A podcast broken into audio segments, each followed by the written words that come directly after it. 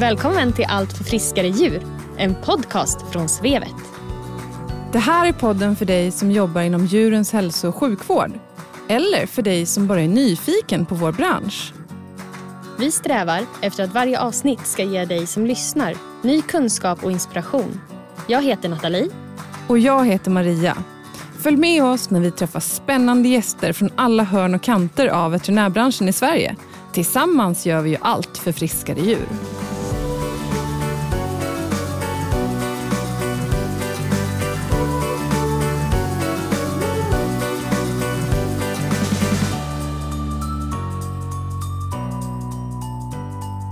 Hej Maria!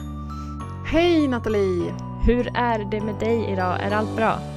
Mm, det är jättebra. Solen skiner, jag är frisk, fri från alla förkylningar. Det är skönt. Och um, det är veterinärkongress snart. Eller hur? Det har vi ju verkligen satt, sett fram emot jätte, jättelänge. Och äntligen mm. är dagarna för veterinärkongressen i Sverige här. Mm. Det ska bli jätteroligt. Vi ser fram emot fyra fullspäckade dagar. Och eh, vi på Sveavet har ju en eh, i sammanhanget liten, men ändå eh, del av eh, kongressen i och med att vi har poddat med en hel del av eh, föreläsarna och även har vår fina eh, monter där man kan gå in och vinna trevliga priser och kika runt på vilka vi är och sådär. Så att det ska bli superroligt och jag hoppas att vi kommer få kontakt med många av er som lyssnar och, och sådär också. Ja, precis. Så om du är en av dem som kommer att vara med under veterinärkongressens dagar så tveka inte att kika in på vår digitala monter och lyssna på de eh, podcastavsnitt som vi kommer släppa under kongressen. Mm, precis. Idag så har vi en gäst med oss som också är lite knuten till veterinärkongressen, eller hon kommer föreläsa där. Ehm, vi har med oss Helena Röcklinsberg som är lektor i djuretik på Sveriges lantbruksuniversitet. Och eh, ni som har läst veterinärprogrammet eller djursjukskötarprogrammet där har säkert träffat henne i någon föreläsning medan ni var studenter, i alla fall om det var på senare år. Ja, precis. Och det här är ju verkligen en människa med många strängar på sin lyra och många intresseområden kring det här med djuretik. Eh, och det kommer vi få höra mer om i dagens avsnitt. Och vill man dessutom grotta ner sig ännu mer i det så har hon ju sitt seminarium som hon håller på veterinärkongressen. Så missa inte att titta på det också om ni har mm. intresset för det. Hej Helena! Välkommen till podden! Hej, tack! Kan inte du berätta lite om dig själv och lite om din bakgrund? Jo, eh, bakgrunden är kanske lite förvånande att jag är teolog. Eh, man kan inom teologi läsa en väldigt många olika ämnen och jag snöade tidigt in på att jag ville läsa etik. Eh, och då var det ju kanske tank, mest teologisk etik som finns på teologen, men, men det är inte begränsat till det, utan etik bygger ju på filosofi, så det var, det var liksom grundläggande filosofi och etik som jag läste där också. Då. Och skrev en uppsats om djuretik när jag var i Tyskland ett år som utbytesstudent, och den kunde jag sedan använda i Sverige så att säga för att räkna som kandidatuppsats. Och sen fick jag möjlighet att fortsätta som doktorand inom just det. Och den professorn frågade om jag ville det. Och vi hittade, fick pengar, forskningsmedel från föregångarna till Formas och VR och så. Och eh, så skrev jag en avhandling i djuretik 2001, kom den. Och sen efter det var jag lite i Linköping och så fick jag en tjänst i Lund. Men jag var också en postdoc-period på Annual Welfare Program i Vancouver, Kanada. Vilket var väldigt både roligt och lärorikt. Och prata djurvälfärd, djuretik med kollegor från en annan kontext. Och så. Ehm, så det, var, det var väldigt roligt. Jag var i Tyskland också som doktorand en period. Så att jag försökte vara runt lite i alla fall eh, från den svenska ankdammen. Så jag har sett några olika universitet. Och sen 2010 så tillträdde jag den här tjänsten då på SLU som jag har nu. Och det är ju Sveriges säga, enda lektorat i undervisning av djuretik. Och det väldigt, var väldigt eh, ska säga, framsynt av SLU att inrätta två lektorat i etik, ett i miljöetik eller miljö och bioetik egentligen och så det som jag fick då i djuretik. Så vi är två etiker som har de lektoraten anställda på varsin fakultet på SLU. Och jobbar en del ihop men jobbar ganska olika också, eller har olika förutsättningar på olika fakulteter. Men jag undervisar då på alla, alla VH-fakultetens eh, djurprogram. Ehm, så att alla studenter ska ha djuretik med sig när de kommer ut i tanken. Vad bra. Det behövs, för det saknas. Det har ja. jag förstått på ja. våra kollegor. Ja, jo, men det är, det är något som man bara under den tiden, eller det jag kan erbjuda, kan de ju bara nosa på det. Men det är i alla fall ett sätt att etablera att det här är någonting som alla, tänker jag, behöver tänka på och förhålla sig till och lära sig om. Och sen får ju var och en göra så mycket den kan eller vill efter undervisning eller efter utbildningen. Men det ska ingå i alla program och det skiftar ganska mycket hur mycket det ingår, men det finns i alla fall överallt. Jag jobbar på för att få in det mer överallt. Men hade du det liksom i kikaren när du valde att inrikta dig på det här, att du tänkte liksom att SLU, jag ska undervisa, eller jag ska liksom prata med veterinärer och djursjukskötare och liksom veterinärbranschen liksom i sikte? Nej, det hade jag ju inte. Jag, inte. jag har aldrig varit så strategisk eller planerat att när jag blir stor ska jag göra det och det. Och så. Utan, däremot så kom jag från min morfar, eh, hade lantbruk, 50-tal eh, mjölkkor som jag liksom gärna var, hängde hos. Och de hade arrendatorer, min morfar var pensionär, så det var arrendatorer som skötte jobbet så att säga, men det var ändå släktens gård. Och så, så jag funderade nog en del på om jag skulle bli husdjursagronom. Så att SLU fanns med i bilden liksom, när jag funderade vad jag skulle plugga. Men sen blev det inte det ändå. Eh, och det, det finns väl goda skäl, man, man tar olika vägar, men, men det var, det var liksom aldrig främmande att ha samarbete med SLU. Så, som doktorand var jag inbjuden på olika kurser och, och föreläste lite djuretik för andra doktorander där och så. Så jag har alltid haft glädje av och lärt mig mycket av det, de kontakterna och det lilla samarbetet då. Och verkligen uppskattat det. Så att eh, när den här tjänsten kom så var det som att ja, men det är precis det här jag vill jobba med. Men den tjänsten fanns ju inte förrän 2009 när den utlystes och 2010 när jag tillträdde. Så det var ju liksom inget jag kunde sikta på på det viset för att det inte fanns något sånt att, att söka. Däremot så har jag alltid varit intresserad av människa-djur-relationen och människans ansvar för djuren och tyckt att det finns mycket att förbättra, mycket att tänka kring och att det väcker många frågor och att också folk tänker väldigt olika. Mm. Så det finns uh, utrymme för diskussion. Verkligen. Men var kommer djurintresset ifrån? Då? Du berättade om din morfar där med gården, men har du haft mm. egna djur? Har du egna djur? Och... Ja, eh, när jag var barn så hade vi katt. Eh, jag började rida när jag var tio kanske. Så där, då var det släktingar som också hade häst som sa, men ska inte du rida lite? Jo, men kanske, kul. Liksom, det var inte så där, så jag var hästtjej och längtade efter det. Så, men jag tyckte det var kul att prova på och sen fastnade jag. Så att, sen dess har jag ridit och haft egen häst och så. Eh, sen har vi höns, har jag haft i många år, eller min man och jag, vi har haft höns i många år. Eh, både för att de är fantastiska djur, väldigt, får man ju ändå säga, lättskötta. liksom så. Eh, de kräver ju sitt, men det är inte så mycket pyssel som det är med en, vad vet jag, en hund eller så. Eh, och sen så är det ju väldigt härligt att ha ägg när man vet att de lägger ägg om de vill, och ruvar om de vill, man vet att de mår bra. Liksom. Så det, det, ja, det är mm. väl de djur, och så har vi ju katt förstås. Det mm. går ju inte annars. Skulle gärna ha hund, men livspusslet ser inte riktigt ut att tillåta det. Så att, eh, där ligger vi lite mer realistiskt. Mm. Ja, det kanske kommer. Katt och mm. höns och häst låter väl så det räcker väl. ja, ja. Vi kommer ju komma in och prata eh, lite mer om det här med djuretik och hur man kan applicera det i verkligheten eh, i mm. den här typen av bransch. Men jag är lite nyfiken på din forskning som du sysslar med, för du mm. håller på och forskar. Ja, Vad är precis. det för något du gör där? Har, är det några speciella projekt du håller på med just nu? Så projekt är ju lite kortvariga saker, eh, höll jag på att säga, beroende på om man får finansiering. Och sen så har man sina forskningsintressen som kan löpa ändå. Lite. Så att det finns ju olika saker att dra i där, tänker jag, trådar. Eh, men det som är både ett forskningsintresse och vi har pengar för just nu, det är att titta på eh, hur de djurförsöksetiska nämnderna, det, ska finnas en, det finns ju regionala nämnder som gör prövning inför användande av djur i försök, eller i forskning.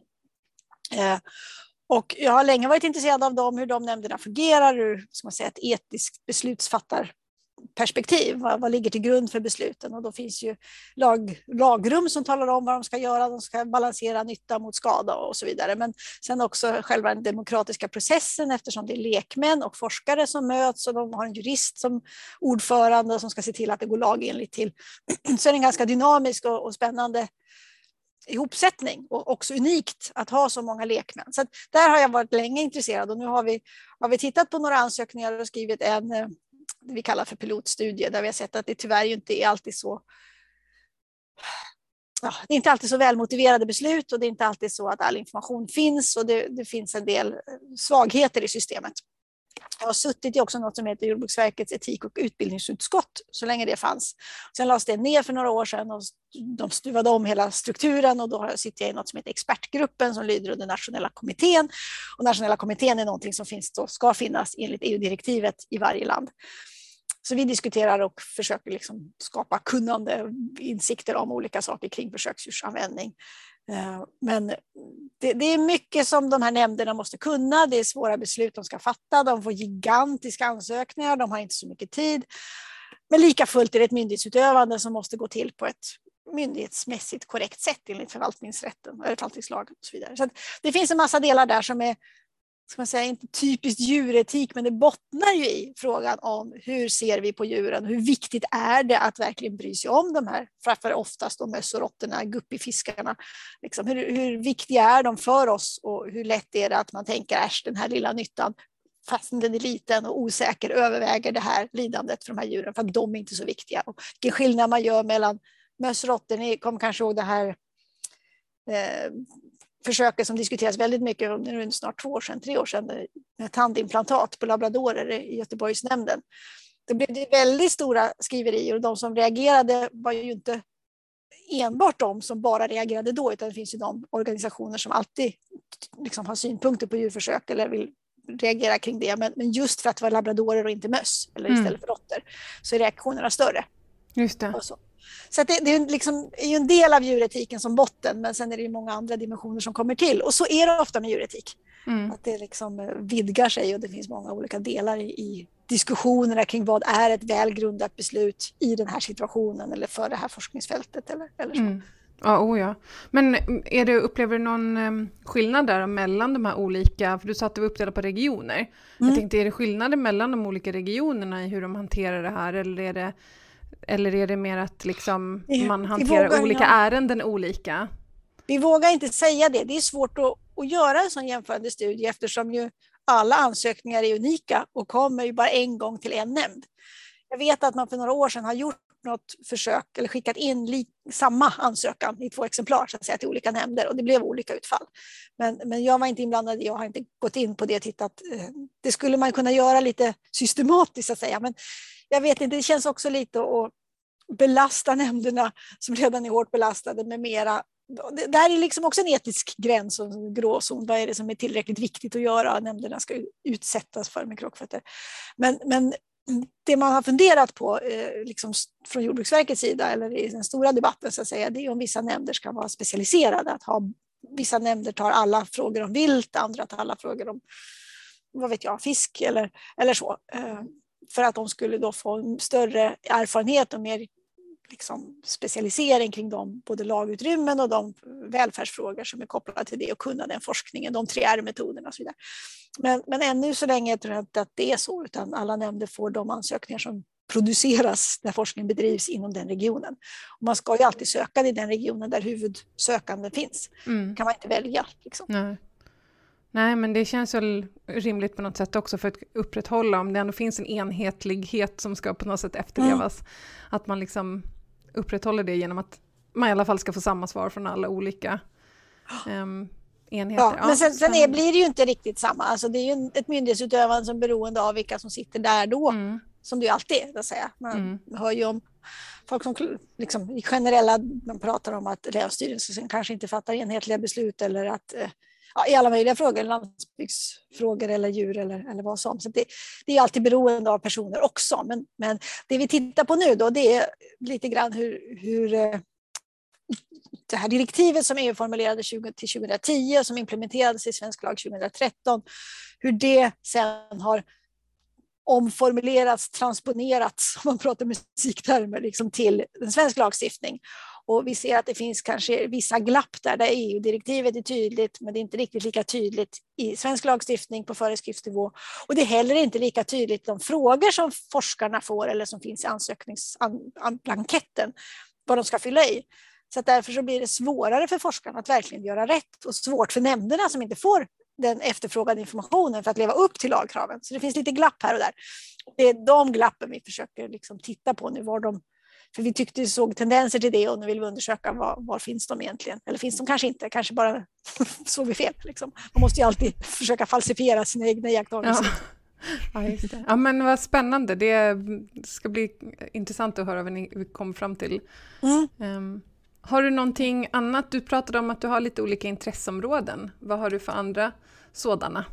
Ja, sen tycker jag det här med lantbruksdjur och etiska frågor kring det och nu när vi har hela stora klimat, ska säga, klimatdebatten, alla de extra frågorna som kommer med det finns det ju väldigt mycket att, att titta på. Eh, eh SLU eller VH-fakulteten har ett stort projekt som heter Sustainable och där är jag med på en kant liksom som någon slags etik jag ska inte säga konsult eftersom det är anställd så, men, men komma in där det behövs och diskutera etiska frågor kring det. Så det är så att säga ett bidrag i forskningsprocessen även om det inte är ett explicit forskningsprojekt för mig eller där jag har en, en så work package. Men, men sen eh, tycker jag det här med avel, genetiska aspekter kring avel, det är med ett större projekt som, med etiska frågor kring avel. Hur kan man avla eller vad ska man tänka på med avel för klimatsmart eh, mjölkproduktion eller klimatsmart eh, köttproduktion och så vidare. Givet då att vi ändå ska fortsätta. Man kan ju alltid diskutera om vi överhuvudtaget ska ha någon kött och mjölkproduktion. Men givet att det ska fortsätta, hur gör man den då klimatsmart och avelsmässigt, djurvälfärdsmässigt hållbar? och så. Sen tycker jag att, och det, det är väl liksom mer självklart att man är inne där som etiker på ett lantbruksuniversitet, men så tycker jag också sådana lite uppstickarfrågor är spännande. Fisk har jag varit inblandad i lite grann. Eh, för några år sedan, ganska många år sedan, när jag var ny på SLU så var det inte alls självklart att veterinärer skulle få någon utbildning i det. Det var inte självklart att, att man ens tänkte att fiskar kan känna smärta eller förhålla sig till skador på sin egen kropp så att säga. Så, och det fanns ändå rätt mycket, mycket forskning men det, det, behövde liksom etableras en etisk reflektion kring det också. Så där har jag varit med i lite olika delar. Och nu tycker jag insektsetik är liksom ytterligare ett steg för att tänja på gränserna. Så det är spännande. Vad, vad har vi för skäl till att bry oss om djur? Blir liksom grundfrågan i insektsetik. För de är ju djur, de är inte växter. De kan mm. förhålla sig, de kan flytta sig, de kan välja på något vis vara med. Men vad känner de? Det är ju liksom en biologisk fråga. Men givet att vi vet att vissa insekter reagerar på ett sätt som vi kan säga att det finns någon slags reaktion på omgivningen, någon form av eh, förhållande till det här är, är något problem jag vill lösa. Humlor som kan dra ut det de tänker är en blomma med om man lägger det som ser ut som en blomma med nektar i mitten under en glasskiva, så finns det ett spännande Youtube-klipp på det, så kan humlor förstå att det där som är det där som ska verka som nektar i mitten av blomman, det är spännande, det är mat, det kanske till och med är mat där, jag kommer inte ihåg. Eh, men de förstår att om de, om de inte surrar omkring ovanför glasskivan eller plexiglasskivan, utan går ner och så drar de i snöret, då får de ut den här blomman eller plast eller träbiten med nektar i. Så de, försöker, de kan ju liksom, de är ju streetsmarta i sin värld. Det är ju egentligen inget konstigt, men vi människor är lite tröga att ta till oss det. Men, men, när man ser att de kan det, men då är det klart att då har de väl ett väl och ve. Då spelar det väl roll för dem om de får den här nektarn eller inte. Eller så. Eh, så där blir ju frågan, vad är vårt etiska ansvar och var, var, vad är det som triggar igång vårt etiska ansvar för djuren? Är det att vi kan känna med dem? Tänker att de kan känna? Är det att de, de eh, har ett egenvärde i sig, har de värdighet? Kanske ganska lätt att säga, det säger till och med djurskyddslagen nu om, om eh, sällskapsdjur, lantbruksdjur och så. Men säger vi det om insekter? Ofta är de ju bara pest, liksom. bara en fluga som är i vägen, smack borta eller, eller liksom pesticider som är till för att få bort insekter på grödor. Man ser dem ju inte alls som individer. Men när vi börjar odla dem med kråkfötter, hålla insekter för att producera mat, då är de ju hållna människan. Och skulle det varit andra djur så skulle de då ha ingått i djurskyddslagen. I och med att de är insekter så ingår de inte. Eller ja, bland annat insekter inkluderas ju inte då. Så det, det, är liksom inte egentligen en gråzon utan de är tydligt utdefinierade. Men samtidigt har de förmågor och vi kan förstå dem på ett sätt som inte nödvändigtvis skiljer sig jättemycket från hur vi förstår vad vet jag, en fisk eller andra djur som vi inte kan riktigt känna med men ändå förstår att den här har ett väl och ve och vad ligger mitt ansvar? Vad har jag för skäl att strunta i att jag ser att det här djuret har ett väl och ve och jag råkar vara i maktposition att påverka? Jag kan göra det sämre eller bättre. Vad, vad ligger då mitt etiska ansvar att, att reflektera över det och kanske till och med gå till handling? Så att insekter väcker en massa spännande frågor. Om, det gör de verkligen. ja, du, om inte annat har du lyckats att väcka det just nu skulle jag vilja påstå. Jag har ja, inte sett men... insekter på samma sätt förut. Nej, men lite spännande. Så där var vi några stycken, jag har kollegor i Danmark som jag har jobbat kring det här med och vi var, skrev nog kanske den första insektetikartikeln till i alla fall för några år sedan och väckte det lite så och sen ja. så har vi fortsatt lite sådär när vi kan. Men där har vi inte ens tror jag, sökt. Jo, något stort EU-projekt som jag var med i, eller vi var med i, fick inte pengar, men annars har vi inte jobbat på att få medel till det utan det pågår bara lite sådär. Det blir, diskussion, det blir ju nästan på en existentiell nivå på något sätt det här ja. liksom att mm. man börjar ifrågasätta sakernas tillstånd. Ja, och världsalltet. Jo, nej, men etik är ju det och det är därför ja. det är så, det är, det, är jättebra att du säger, för det är därför det, för många tror jag, att det är därför det blir så provocerande och så mm. jobbigt när en sån här liten etiktant som jag då kommer och säger, ja men ska vi hålla kyckling för produktion? Ja men jag kommer från gård och vi har alltid hållit kyckling. Ja, det tror jag. Det finns mm. många sådana gårdar, eller tillräckligt många för att förse världen med kyckling. Men det betyder ju inte att vi ska göra det. Och det betyder inte när jag ställer den frågan att jag ifrågasätter dig som student eller dina föräldrar som har valt det här yrkesvalet. Utan det är en existentiell etisk fråga som vi måste kunna förhålla oss till utan att man blir för provocerad när man nu ändå pluggar på universitetet. Det, det är ju en sak om man inte väljer den vägen, men man måste som akademiskt utbildad kunna förhålla sig till den här typen av frågor kring den verksamhet man bedriver vad man svarar. Om man säger det är okej okay, eller det är inte okej okay, eller medelvägen hit eller dit. Där har ju jag inga synpunkter. Det måste ju vara upp till var och en som student och som människa. Men, men det är mitt uppdrag och min övertygelse att var och en måste reflektera kring det och få mm. lite redskap då, så att säga, utifrån utbildningen. Ja, det är precis att man i alla fall har ja, tänkt över det och tänkt mm. vad det betyder för en själv, för det är så oerhört personligt också. Mm var Precis. ens egen etiska gräns, gränsdragning går på något sätt. Ja. Vi, tänkte ju, vi hade ju med som fråga, vi tänkte be dig utveckla vad djuretik är för någonting, men det känns som att du har ändå sammanfattat det ganska bra i det här liksom mm. med hur vi förhåller oss till andra levande varelser egentligen, um, som är djur. Mm. hur, hur, Sen, ja, Precis. Sen är ju djuretik som forskningsdisciplin eller mm. filosofisk disciplin ju en, en massa saker. Liksom. Det klassar, kallas som djuretik då kallas för tillämpad etik för man använder de etiska teorierna, redskapen på en viss, ett visst område, i det här fallet människa-djurrelationen och miljöetik ett annat sådant tillämpningsområde och vårdetik och medicinsk etik och affärsetik och så vidare. Så det är liksom ett sätt att beskriva djuretik som ett, att det är tillämpad etik. Men sen finns det ju också en massa teorier inom ramen för de här etiska ställningstagandena. Och där kan man ju beskriva det hur nyanserat som helst eller hur onyanserat som helst. Men det är just de teorierna och de olika sätten att liksom gå in i de olika etiska frågorna eh, som jag tänker att det är det studenterna behöver få som lite guidelines, ledtrådar, eh, ja, någonting att hålla sig och tänka, ja, men om jag tänker utifrån den här teorin, då skulle det etiskt motiverade vara så här. Okay?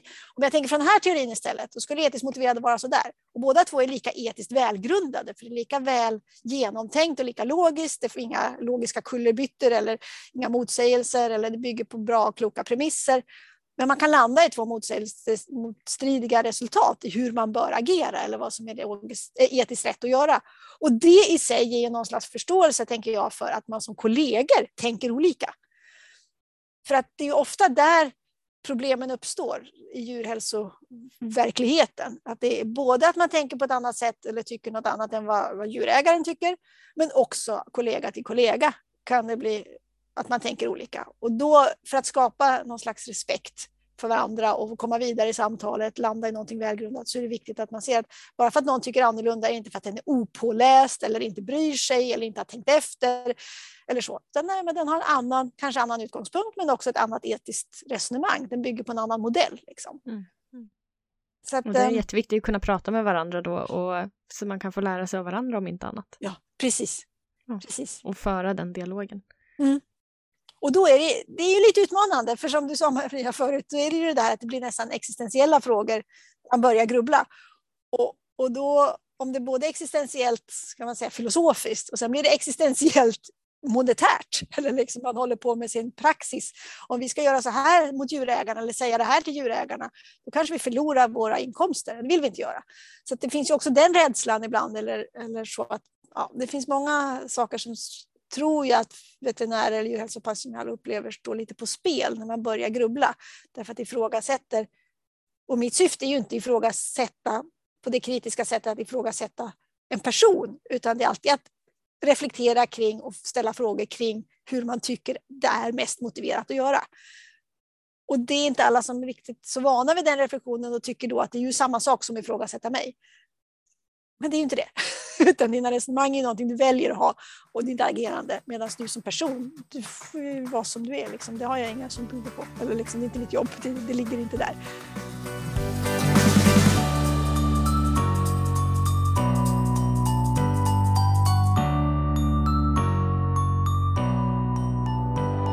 Men jag tänker på det här du säger, liksom att um, det är enskilda personers ställningstagande, man måste ha respekt för andras, att andra människor kan ha olika uppfattningar. Så pratar vi om det här med eh, tillämpad etik och det som mm. man tänker direkt då, liksom vart tillämpas det någonstans, är det ju lagstiftning. Eh, alltså där.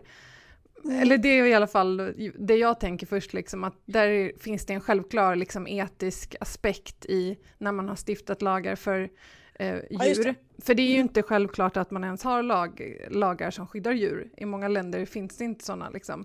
Så det kommer ju från en etisk på något sätt grund. Men vart, i vilka andra sammanhang kan man liksom tillämpa, jag tänker kanske i, här, i, i kliniska sammanhang, i på veterinärklinikerna. Var, hur kan man tillämpa liksom, etiska resonemang Eh, där? Och eh, är det någonting som man bör jobba med systematiskt, tycker du? Eller är det liksom upp till var och en lite grann som man känner? Hur, hur resonerar du kring det? Alltså, jag tänker att det är förstås det blir ju ingenting om inte var och en bidrar eller är beredd att gå in i det här på något vis. Mer eller mindre djupare eller, eller grundare så att säga. Men, men det är också så att det behöver, precis som, som du säger, lagstiftningen bottnar eller bygger på några etiska, ställningstaganden. Eh, och även att inte ha lagstiftning är ju att ta ett etiskt ställningstagande och även nivån i lagstiftningen, att det här ska vi utsätta djuren, får vi utsätta djuren för, men inte det där och skilja på den här djurslag och så vidare. Allt det där är ju etiska ställningstaganden i botten och sen så är det kanaliserat genom någonting. Men precis som det måste få sin plats så måste man också på en klinik eller, eller var man nu jobbar praktiskt ge det plats. Det, det i en stressig vardag med många svåra beslut som kommer liksom slag i slag. Så, så kan det inte bara etableras en sån kultur om inte några verkligen aktivt arbetar för det och om man inte också, tror jag, och om man inte också som chef eller ansvarig säger att det här är viktiga frågor, det är viktigt att vi sätter oss ner och pratar om det här. För att jag tror att det, det, blir inte av annars och sen plötsligt så blir det kanske för mycket för någon eller man har etablerat en praxis som några känner sig obekväma med men att ändra den är mycket svårare än att ha tagit den diskussionen från början och så vidare. Så att det, det, är jättelätt att sitta och säga, men jag tror ändå att kontinuerligt etiskt samtal någonstans är lättare än att vända en skuta för sent. Med kråkfötter på för sent och det är olika uppfattningar vad det, var, när det inträffar. Så att säga. Men eh, absolut ett kontinuerligt samtal med högt i tak där man får tänka högt och man inte behöver komma ut och ha konsensus efter det där, om man nu har ett möte en gång i månaden eller så, utan bara för att få dryfta och lyfta och tänka högt tillsammans, lära varandra. Kanske ta in någon som kan redogöra för något speciellt sätt att tänka eller något fall eller sådär. Liksom få lite eld på brasan. Vet du om det finns något material någonstans där arbetsgivare kan hämta inspiration till de här samtalen? Har du någon koll på det? Får du frågan så här rakt ut utan att kunna förbereda dig? Men... Ja, nej, det är klart, alltså, men hela, hela etik, eh, filosofi, eh, alltså, det finns ju mycket litteraturen, det finns ju mycket som helst skrivet om det här. Mm. Så det, mm. arbetsgivare har väl samma tillgång tänker jag som alla andra. Men det är klart, sitter man på universitet så har man ju lättare att komma åt vetenskapliga artiklar. Jag vet inte att det finns ett sånt ska man säga, bildningsmaterial. Så. Nej, Men jag har dålig koll på vad Vetabolaget har gjort till exempel. Det kan mycket väl finnas saker som, som de har gjort. Mm. Och så, det kan det göra. DISA har ju ett bra material som är tillgång för alla, men det är ju kring slakt. Men där har de ett litet etikpass eh, till exempel. Då kanske man kan hämta inspiration därifrån om ja. annat, om man jobbar på en veterinärklinik som ja, precis. arbetsledare. Ja, precis, men sen tänker jag att många gånger är det också ganska specifika, eller man kan behöva diskutera specifika frågor. Det som är växt nu till exempel och alltid tyvärr har varit aktuellt och vi kommit ganska kort, det är det här med non-accidental injuries, när djur skadas med flit. Då finns det ju material från C-sambandet till exempel, eller internationellt och så kan man se få faktamaterialet där och sen så kan man ha den etiska reflektionen eh, kring det med hjälp av någon som kan etik. Liksom. Så. Mm. Eh, så det Eller göra vara... någon form Jag tänker göra någon form av fallbeskrivningar på sånt som faktiskt kommer in till kliniken också, att man tar sig tiden att sitta och diskutera det som kommer in när det har varit ja. något fall där man har behövt tänka tio varv extra kring etiken. Precis, precis. och bena upp, upp lite, vad är det som spelar roll här för oss och så. Mm. Och jag vet att där finns det material på det viset just, men där är jag ju liksom med den universitetsankdammen och har tillgång till saker. Jag vet en, en eh, kvinna som disputerar ganska snart nu i Wien på, på en avhandling om, i veterinäretik och veterinäretik är ju ett växande ämne. Så det, det, är både djuretik och veterinäretik tänker jag och veterinäretik är kanske fel ord eftersom det rör all djurhälsopersonal. Men, men lika fullt, det, det namnet är som har etablerats. Men eh, jag tror också veterinär ethics är kanske bredare på engelska än veterinäretik på svenska. Men i alla fall, där finns det en hel del material eh, och hon har berätt, eh, ja, följt henne under lite konferenser och så som under den tiden hon är doktorand. Och det hon redogör för som fall och hur de har diskuterat dem och vad de har kommit fram till och vad de har tyckt var självklart eller vad veterinärerna har reagerat på och så när de har diskuterat fall i hennes, inom ramen för hennes projekt eller som en del av det. Då har de haft en ganska annan syn än vad jag hör i Sverige. Okay. De svenska veterinärerna. Mm. Eh, vi har mycket närmare till avlivning i Sverige till exempel. Och självklarare att avlivning är en behandling, kråkfötter igen. Liksom Medan man i, då bland annat i Wien och de fall hon visar inte alls tänker sig det som en möjlighet. När jag, de fall hon har beskrivit om någon häst som var skadad togs ut ur en transport under färd i princip. Var skadad, stod på vägen eller låg, jag vet inte, men den var verkligen illa däran. Hur ska vi få in den i transporten igen så att vi kan mm, se vad vi kan göra? Jag kände bara, det hade inte varit en fråga i Sverige. Avliva på plats, det här är för mycket lidande, det är ingen question. Liksom. Och så. Och, så jag säger inte att, det är liksom, att de diskuterar avlivning och har, det är inte så att de har en bättre syn och vi har en sämre syn, utan Nej. det är bara helt enkelt andra reaktioner på samma liknande fall. Och det, det, skulle vara en jättespännande studie att göra, använda de fall hon har haft, diskutera dem i Sverige med normala veterinärer så att säga, på samma sätt som hon inte har valt på något specifikt sätt och så, och så se var de kulturella skillnaderna ligger. Det måste ju vara enormt, alltså om man skulle kolla på många olika delar av världen och så vidare. Mm. Det, alltså, för det, man kan ju göra det hur enkelt som helst, men mm. man kan ju också göra det hur svårt som helst. Och det är på något sätt där det blir intressant, i övergången mellan lätt och svårt, som alla håller med om att man inte ska vara elak mot djur, men vad är att vara elak mot djur? ja. Alltså, alla Precis. håller med om att man inte ska avla ohälsosamma individer, men mm. vad är att avla ohälsa? Det är ja. där de här liksom ställningstaganden kommer in på något ja. sätt, som gör det så Precis. svårt och intressant. Ja, Precis, och sen kommer ju då som ett raster ovanpå det, tänker jag som etiker, den här grundläggande valet av etisk teori. Man tänker till det här, mm. till exempel det här med avel på ohälsosamma eller avel på genetiska defekter. Mm. Det är ganska tydligt i lagstiftningen, men det har inte efterlevts i så särskilt hög grad. Nej, så det har blivit några fall då kring trubbnos eller kring Sharpei eller vad det är. Mm. Uh, och då har det skärpts, det här ska vi tolka så och så. Men jag tror inte att de varken hundavlare eller man ska säga uppfödare eller veterinärer som har godkänt det har tyckt att de har gjort etiskt fel eller lagstridigt ens.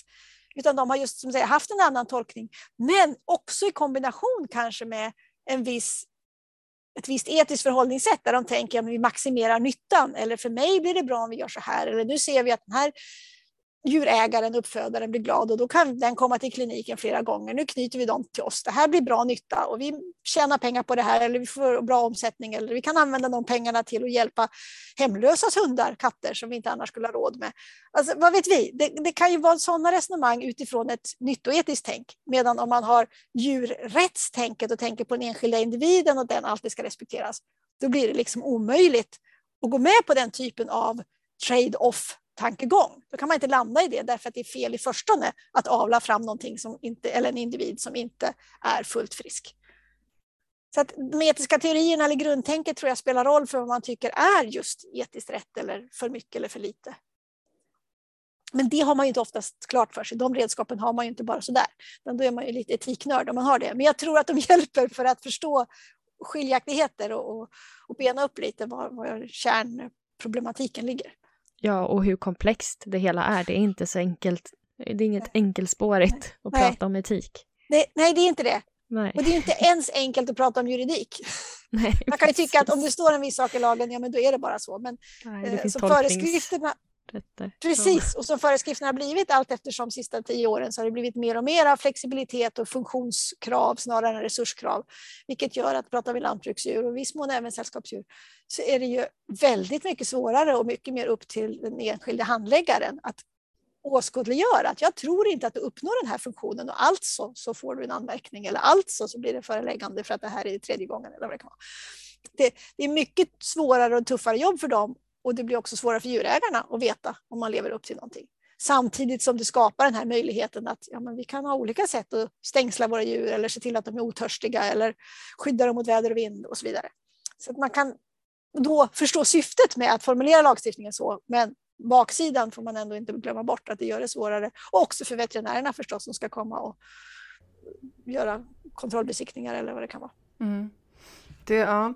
det, det slår mig också att det hade varit fint med en typ av crash course i etik för djurägare. För jag, jag, jag, tänker, men jag tänker lite så här att ofta så skiljer sig, liksom, det är inte det att man har olika liksom, syn på djurets liksom, individuella rättigheter nödvändigtvis, men som djurhälsopersonal och som djurägare så kan man ju ha helt olika liksom, ingång på vad det är att behandla ett djur väl. Mm. Liksom, och vad vad man bör göra för just det här djuret för att, och som veterinär då så tittar man på liksom ur det större perspektivet livskvalitet på sikt, eh, mm. eller för den delen naturliga behov, mm. medan djurägaren ser sin lilla bebis som visst det måste ha en varm tjockt täcke om det är en häst eller fast det är solen skiner, ja. alltså sådana ja. saker va, liksom att det hade, det hade varit liksom, nu menar jag inte att jag tycker att veterinärer ska sätta igång det eftersom de redan har tillräckligt mycket att göra. Men det hade varit intressant liksom med sådana diskussioner också. Vart, vart eh, går de här, så här synsätten ihop och vad skiljer mm. de åt och liksom hur kan man eh, resonera kring vilka olika perspektiv det finns och så vidare. Det hade, mm. Och som sagt en liten eh, eh crash course kanske för... Mm. ja, det, det, skulle inte skada. Ibland har det ju kommit förslag, inte just vad gäller häst, men hund med körkort. Mm. För det finns ju en hel del att önska ibland med hundhållning. Och eh, inte minst de som är etologer ser ju och tränar och hjälper till. Liksom. Men då kommer ju oftast, de kallas ju in ofta för sent. Eh, när det redan har uppstått problem så kan man lösa det med att hantera hunden annorlunda och så löser det sig förhoppningsvis. Men det, det är ett digert arbete när, man, när det väl har etablerats en, en stressad hund som mår dåligt eller så för att man inte har förstått dess behov. Ehm, men samtidigt så är det också där lagstiftningen ska ge signaler. Det här är miniminivån, man får göra bättre. Man får verkligen göra bättre och högre krav. Och så. Bara för att det står att en box för en häst ska vara si och så stor eller en hage si och så minimikrav betyder det inte att det är bra. Det betyder bara att det är det vi har kunnat enats om och det är det vi kan ställa krav på djurhållarna. Man får ju man får ju alltid göra bättre, men det är ju eller säga, svårare med hundar och katter som är så pass mycket i hemmet och så fria. Det, inte, det finns ju ingen kontrollverksamhet där som skulle kunna vara någon slags automatisk utbildningssituation. Det har man ju mera med de här eh, säga, institutionaliserade djuren, de som hålls någon annanstans än i hemmet. Men utbildning är aldrig fel. Nej, absolut inte. Det förespråkar vi alltid. Ja. ja. Det, kan vi enas om. Ja. Vi, och på tal om utbildning så kommer vi få höra dig nu under veterinärkongressen. Där mm. du kommer att prata lite grann. Kan du inte bara jättekort ge oss en liten hint om vad man kommer få uppleva om man lyssnar på dig under veterinärkongressdagarna? Ja, eh, gärna det. Jag är inblandad i två, eh, vid två tillfällen. Det ena handlar om eh, Eh, ska vara någon slags workshop på mm, ska vi säga, den 28 på morgonen, tror jag, eh, om moralisk stress. Eh, och det har vi pratat en hel del om, kollegor på SL, alltså mina ja, kollegor på, på VHC och så. För att det är ett stort problem inom vet eller, ja, veterinär djurhälsopersonalen och eh, jag undervisar lite om det, vi tar upp det lite där vi kan men kom och prata med, med kollegor och sa, men kan vi inte få upp det här på kongressen när det nu ska handla om etik? Mm, så att det gör vi en workshop för jag tror att det är ett ämne som inte bara lämpar sig som föreläsning utan det blir ett, en introduktion från mig men så blir det också diskussion deltagare emellan och ja, oss allihopa kring vad moralisk stress är och hur man kan hantera det eller hur man kan göra för att det inte ska uppstå och så. Mm. Vad intressant. Så det, det ser jag fram emot väldigt. Och sen på fredagen den 29 så är jag inblandad i den försöksdjurssessionen, kanske den heter, som är där eh, och prata om, om eh, etiska utmaningar. Det blir på engelska då, så jag tror det heter Ethical Challenges in Using Animals for Research. Alltså utmaningar kring att använda djur i försök generellt, men jag ska försöka liksom bena upp lite vilka slags olika utmaningar man möter. Där finns ju en del som är spännande just för veterinärer, att klinisk forskning är ju inte nödvändigtvis djurförsök, men det kan leda till artiklar som man vill skicka in och publicera, eller ja, publicera och ska ange att man har fått tillstånd för sitt djurförsök för att man använder djur. Och så var det ju inte ett försök och så blir det liksom lite svårigheter hur man ska hantera det rent praktiskt kanske i relation till publikation, men även förstås etiskt. Hur ska jag tänka? Är det här djurförsök? Jag har djurägarmedgivande eftersom det är en behandling. Ja, det, det, finns lite funderingar där hur man ska hantera och vad, vad, som gäller. Och så. Och jag är ju ingen jurist så jag kan inte gå in där, men de etiska reflektionerna där är lite spännande. Mm. Intressant. Då ser vi fram emot det, dina punkter. Och kongressens tema är ju etik och teknik. Mm. Så att det kommer vara många spännande punkter på ämnena tror jag. Ja, ehm, det, absolut. Jag har en kollega i Utrecht som jag rekommenderat att de skulle använda, eller, använda mm. fråga om man vill prata och det har han tackat ja till, Frank mm. Meibom. Och han har skrivit en del om veterinär och teknik och, och mm. veterinäretik generellt. Så att honom ska ni också lyssna på tycker jag. Spännande, det ska vi göra. Um, om man vill sammanfatta lite grann det som vi har pratat idag, nu blev det väldigt um, stora frågor, vi kan inte lösa världsproblemen så här på en timme. Men, um, men jag tänker, liksom, om du skulle säga, alltså, du skulle koka ner liksom, eller sammanfatta ungefär vad du skulle vilja att djurhälsopersonalen hade med sig liksom, i sitt så dagliga arbete när, man, när det kommer till djuretik och djuretiska frågor. Eh, vad skulle du säga då? Eller vad skulle det vara? Ditt take home message liksom? Ja, det är nog att lyssna in djurägarna och förstå hur man når fram till dem. Om det, om det förutsätter att man har något etiskt, liksom inte tycker likadant, så om alla är överens så är det liksom inte så mycket. Men, men hur man lyssnar in och hur man förstår djurägarna, men lika mycket hur man lyssnar in och lär av kollegor och får en bra dialog. Så att man har den här kontinuerliga etiska reflektionen Eh, där man både går inåt sig själv, vad, vad, är det jag tycker är etiskt riktigt här och vad säger de andra är etiskt riktigt? Och det är inte så lätt att få fram vad andra tycker är etiskt riktigt, för vi pratar så sällan om det, utan man tar för givet att man har förstått varandra eller man tänker att de tycker fel eller annorlunda och så pratar man inte för man vill inte vara osams. Men att försöka etablera en samtalskultur där man kan få, få lyssna in, prata, säga men jag tänker nog så här istället, eller vad betyder det här om man drar ut det här i sin konsekvens? Liksom. Man säger att man ska alltid värna liv. Jaha, men betyder det att vi aldrig ska avliva djur? Nej, men det vore ju tokigt om de lider väldigt mycket och det inte finns någon bra, god prognos och behandlingen är väldigt plågsam. Men det är klart det vore bättre att avliva. Eller är det inte klart? Och av vilka skäl drar vi gränsen vad vi gör och så. Alltså, det är liksom inte långt ifrån praxis, utan diskutera praxisnära frågor, men i termer av vad är det som gör att det här blir etiskt relevant? Vad är det som gör att vi drar gränsen just här? Så är man liksom mera förberedd på och tänker igenom det så har man glädje av det till nästa gång man möter ungefär liknande problem. Mm. Kloka ord, verkligen. Mycket. Det, tar, det får alla ta till sig tycker jag. Mm. Mm. Ja men eh, samtal och högt i tak och, och ödmjukhet och respekt för varandras mm. synpunkter, det behövs ju många. Det är inte bara i de djuretiska diskussionerna Nej, som vi behöver det. det behövs överallt. Och det är inte så lätt, man kan ju bli engagerad och få liksom vara lite övertydlig ibland eller så, men då får man se det som att det ska inte säga ett spel, men en del av diskussionen. Liksom. Försöka se var, var, vart, vart kommer vi om vi går den här vägen? Och sen så får man backa och säga, men vi kom till fel sak. Jaha, vi vill inte göra så här. Nej, men då backar vi och var, var är vi överens igen? Och så kan vi gå en annan väg. Så etik är mycket det här hypotetiska, reflektera vad skulle hända om och så. Och dra ut konsekvenserna, ska säga, dra ut tankegången. Vad landar vi om vi gör så här? Vi säger att det här är en princip som vi ska stå för. Det finns någon motstridig princip, ja, var möts de och hur balanserar vi dem? Och så. Och, och, det tror jag i sig kan vara lite svårt om man är van både att ha ett naturvetenskapligt tankesätt, att det finns svart och vitt, det finns rätt och fel, vi ska svara nu, alla ser upp till veterinären, jag ska vara den som talar om. Det finns mycket som liksom motverkar det här sitta i soffan och myssnacka, mm. som man kan tycka att etiken är. Mm. Men det är ganska ansträngande med det här etiksnacket, det är inte så mysigt, utan det är lite mm. krävande och då kanske det blir tänker jag nu, jag har inte tänkt på det så förut, men man kanske uppfattar, tänker jag, i veterinärkåren, djurhälsopersonalkåren, att etiken är lite flummigt, det finns inget rätt och fel, man kan tycka hit och dit. Och sen när man sätter sig och tycker hit och dit så upptäcker man att någon annan som man trodde var ens kollega liksom, eller själsfrände tycker något annorlunda. Då vill man inte gå in i det för att idén är att det är lika bra med allt. Och så upptäcker man att någon annan tycker något annat som inte alls är lika bra. Man har inte riktigt redskap att säga kanske på ett schysst sätt eller ta in det eller förhålla sig eller vara ärlig. Ja, men det här går min gräns, absolut. Och så, och känna hur man gör det på ett respektfullt sätt. Så att man lurar sig själv tror jag man säger att allt är okej och det finns inga rätt och fel och klassificerar etikdiskussionen som det och sen upptäcker att nej, men jag har faktiskt absolut anledning att inte hålla med den här kollegan. Och så vill man inte att man inte ska hålla med en kollega för i Sverige håller man med varandra. Mm. det är liksom så mycket som mot, kämpar emot eller som gör att man måste kämpa emot lite för att få till ett bra samtal.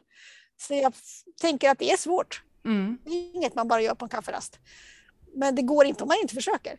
Nej, så är det. Och jag tror att om man inte försöker så finns större risk att man hamnar i moralisk stress. Är man liksom tillbaka i att det finns ett hot om man inte gör det och det kanske ibland kan vara lite tydligt och bra för att påtala vikten av någonting. Mm, verkligen.